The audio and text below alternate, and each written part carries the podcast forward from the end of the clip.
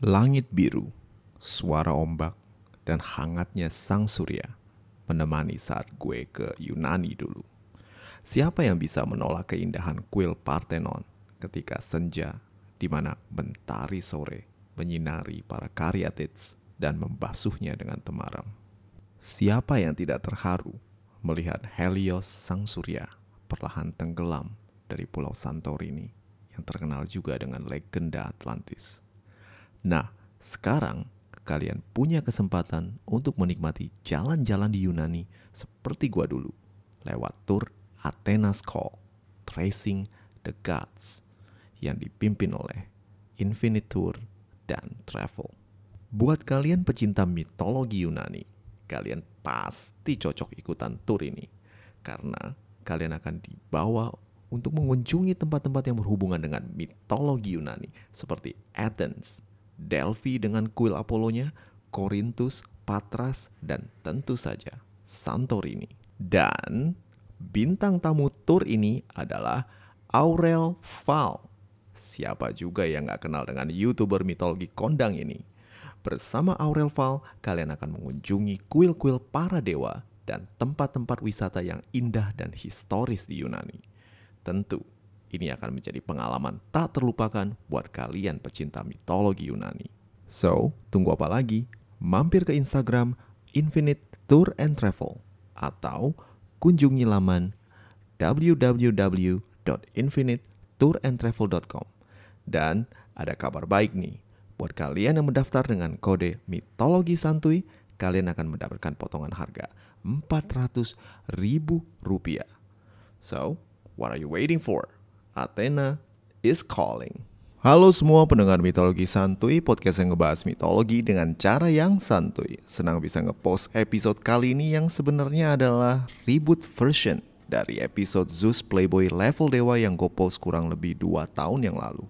Belakangan gue lagi rajin bikin episode reboot karena gue pengen gantiin episode-episode awal yang kualitasnya menurut gue horrible maklum lah, gue masih rekaman modal HP doang dan banyak banget cacatnya. Sampai kadang-kadang ada suara anak-anak lagi main bola depan rumah gue, sampai ke tukang roti lewat pun masuk ke rekaman. Makanya gue bikin episode-episode ribut ini buat gantiin episode-episode awal yang gue ganti file episodenya dengan yang baru. So, buat kalian yang bingung kok gue ngebahas ini lagi, don't worry. Ini rekaman baru dengan cerita yang lebih lengkap dan tentu saja nggak ada suara tukang roti lewat.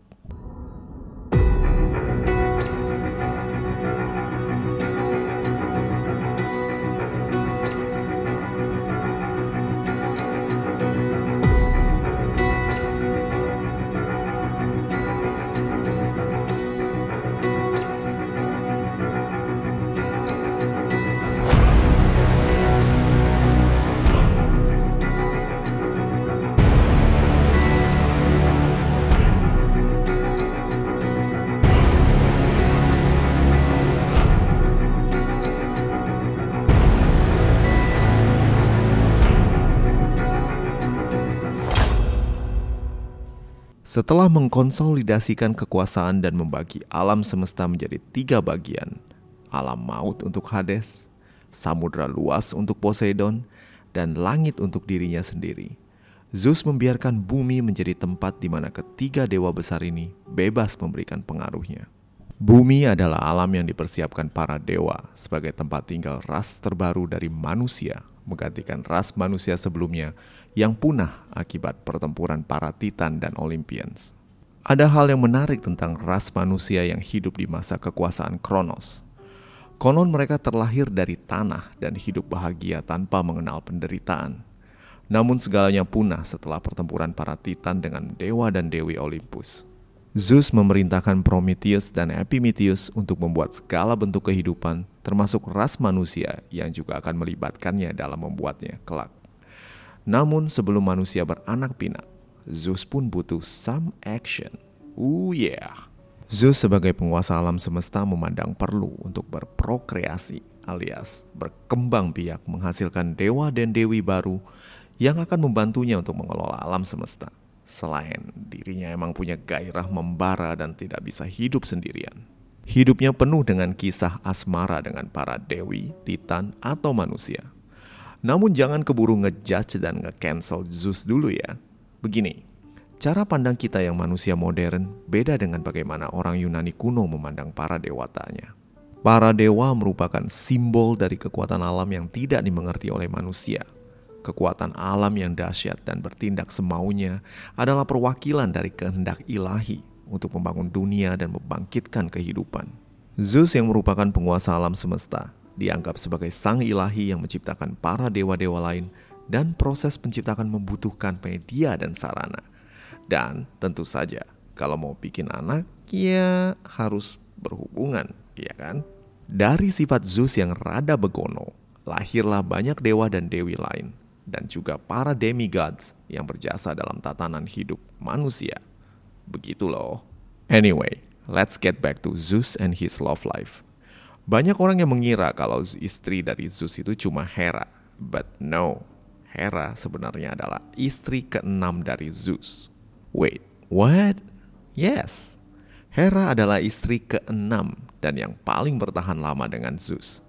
Sebelum Hera, Zeus memiliki lima istri dalam waktu yang berbeda, dan tentu saja sejumlah HTS dan kekasih yang gak bisa dibilang berapa jumlahnya. Oke, okay, let's go with the first one. Istri pertama Zeus adalah Metis, titan wanita yang cantik, cerdas, dan merupakan love interest dari Zeus yang pertama. Metis adalah putri dari Oceanus dan Thetis yang super subur dan punya anak-anak banyak berupa sungai dan peri laut atau oceanids. Metis terkenal bijak dan kalem. Dirinya juga memiliki kemampuan untuk membaca masa depan.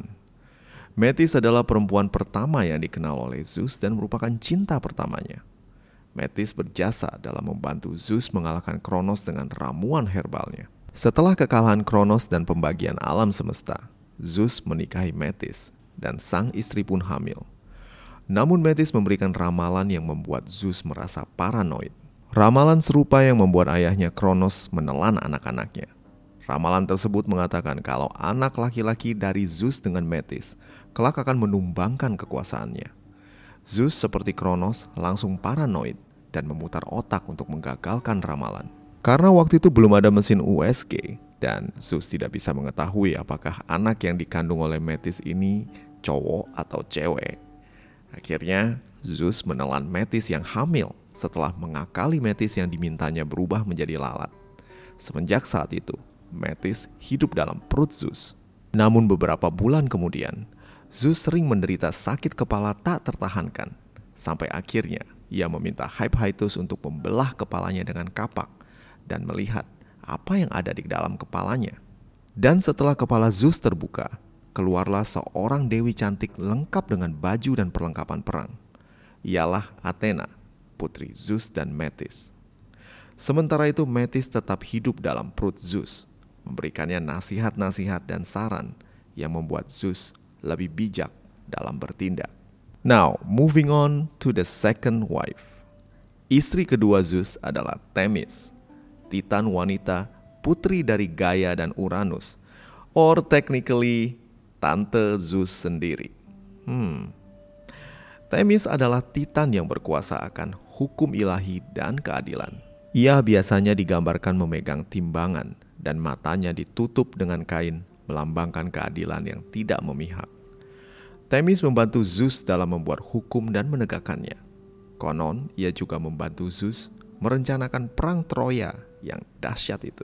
Bersama Themis, Zeus memiliki enam anak, mereka adalah ketiga Horai atau dewi-dewi musim yang bernama Talo, Auxo, dan Karpo. Ketiga anak yang lain adalah para Moirai atau ketiga dewi nasib yang mengatur lahir, hidup, dan matinya kaum fana. Hubungan Zeus dan Themis tak berjalan lama dan keduanya pun berpisah. Zeus yang bosenan kemudian mencari wanita lain. Walaupun demikian, tampaknya mereka berpisah baik-baik karena setelah perpisahan mereka, Themis tetap memberikan saran dan nasihatnya di bidang hukum kepada sang mantan suami.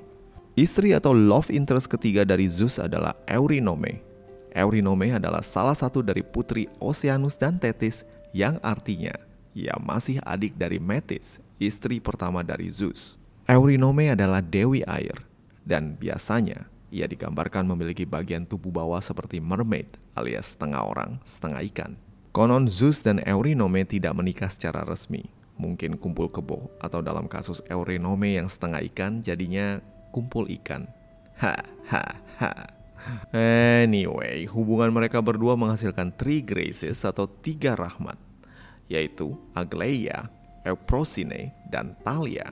Oke, okay, let's move on to the next wife. Istri Zeus yang keempat adalah tak lain tak bukan kakaknya sendiri, Demeter. Yes, ini berarti incest, but again, aturan para dewa berbeda dengan kaum fana. Lagian siapa juga yang bisa ngelarang Zeus melampiaskan hasratnya. Demeter adalah dewi pertanian dan padi, Beliau bertanggung jawab akan kesuburan dan kelimpahan tanah yang berbuah hasil bumi. Tak heran jika Zeus yang adalah dewa petir dan penguasa langit yang mendatangkan hujan tentu saja erat hubungannya dengan Demeter. Tapi tentu saja hubungan antara kakak dan adik ini tidaklah mulus, karena selain Zeus, saudara Demeter yang lain juga mengincarnya. Poseidon yang selalu bersaing dengan Zeus dalam perebutan pamor dan kekuatan juga menaruh hati pada Demeter.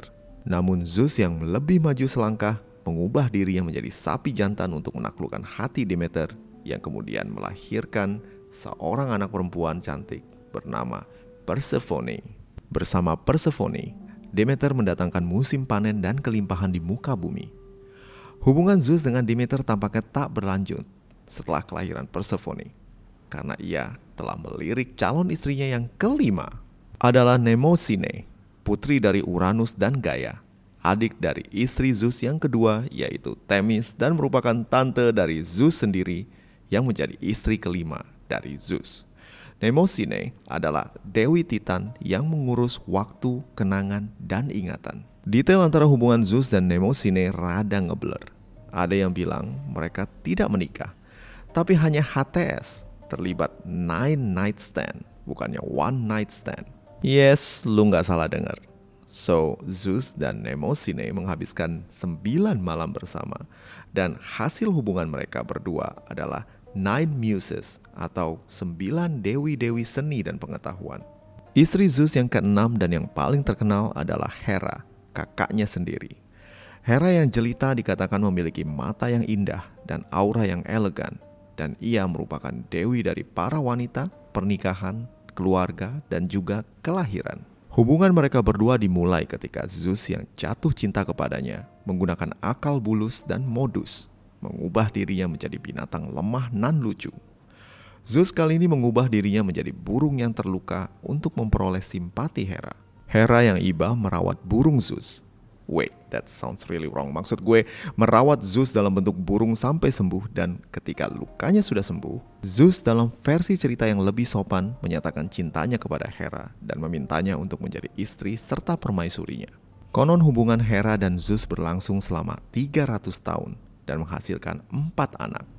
Ares sang dewa perang, Enyo sang dewi kehancuran, Hebe sang dewi keremajaan, dan Elitia sang dewi kelahiran. Walaupun Zeus mencintai Hera, namun ini tidak menghentikannya untuk selingkuh atau mencari cinta wanita lain.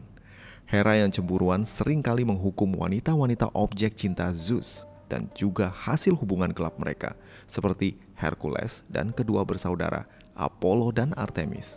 Istri Zeus yang ketujuh, atau lebih tepatnya selingkuhan Zeus setelah menikahi Hera, adalah Leto, sang titan yang juga adalah dewi keibuan dan kewanitaan. Hubungan antara Leto dan Zeus menghasilkan si kembar Apollo dan Artemis. Cerita kelahiran kedua dewata ini sangat unik dan seru. Ntar gue bahas di episode yang lain. Tapi yang jelas hubungan antara Leto dan Zeus ini membuat Hera murka. Begitu mengetahui kalau Leto mengandung anak Zeus, Hera dengan segala kekuatannya berusaha untuk membuat si malang Leto susah hidupnya. Namun akhirnya Leto berhasil melahirkan dua dewata yang kelak akan berperan besar dalam mitologi Yunani. Dan tentu saja, Zeus tak puas dengan memiliki hanya tujuh istri. Sang penguasa langit terlibat hubungan asmara yang tak terhitung jumlahnya. Tak hanya dengan para dewi atau titan, Zeus juga kelak akan membagi cinta dan tentu saja benihnya kepada gadis-gadis manusia. Hal yang menarik tentang hubungan Zeus atau para dewa pada umumnya dengan manusia adalah hubungan para pencipta dan ciptaan ini kelak akan melahirkan para demigod atau demigoddess yang memiliki kemampuan yang luar biasa. Zeus dan para dewa Olympus menurunkan benih ilahi mereka dan memiliki keturunan yang walau fana, tetap memiliki kemampuan para dewa. Hercules anak Zeus dengan Alkmene memiliki kemampuan fisik yang tak tertandingi. Theseus dan Bellerophon merupakan putra-putra Poseidon yang memiliki kemampuan tempur dan akal yang luar biasa.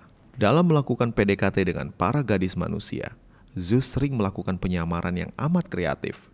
Kadang ia berubah menjadi binatang, seperti menjadi sapi ketika mendekati Eropa, jadi elang ketika menculik Aegina, dan jadi soang ketika hendak meniduri Leda. Dan kadang ketika bosan menjadi binatang, ia bisa berubah menjadi hal-hal di luar nalar, seperti berubah menjadi hujan emas contohnya. Apa pun dilakukan demi cinta, atau mungkin ya dia horny aja. Nah, apakah ia beneran horny aja, atau emang dia punya rencana?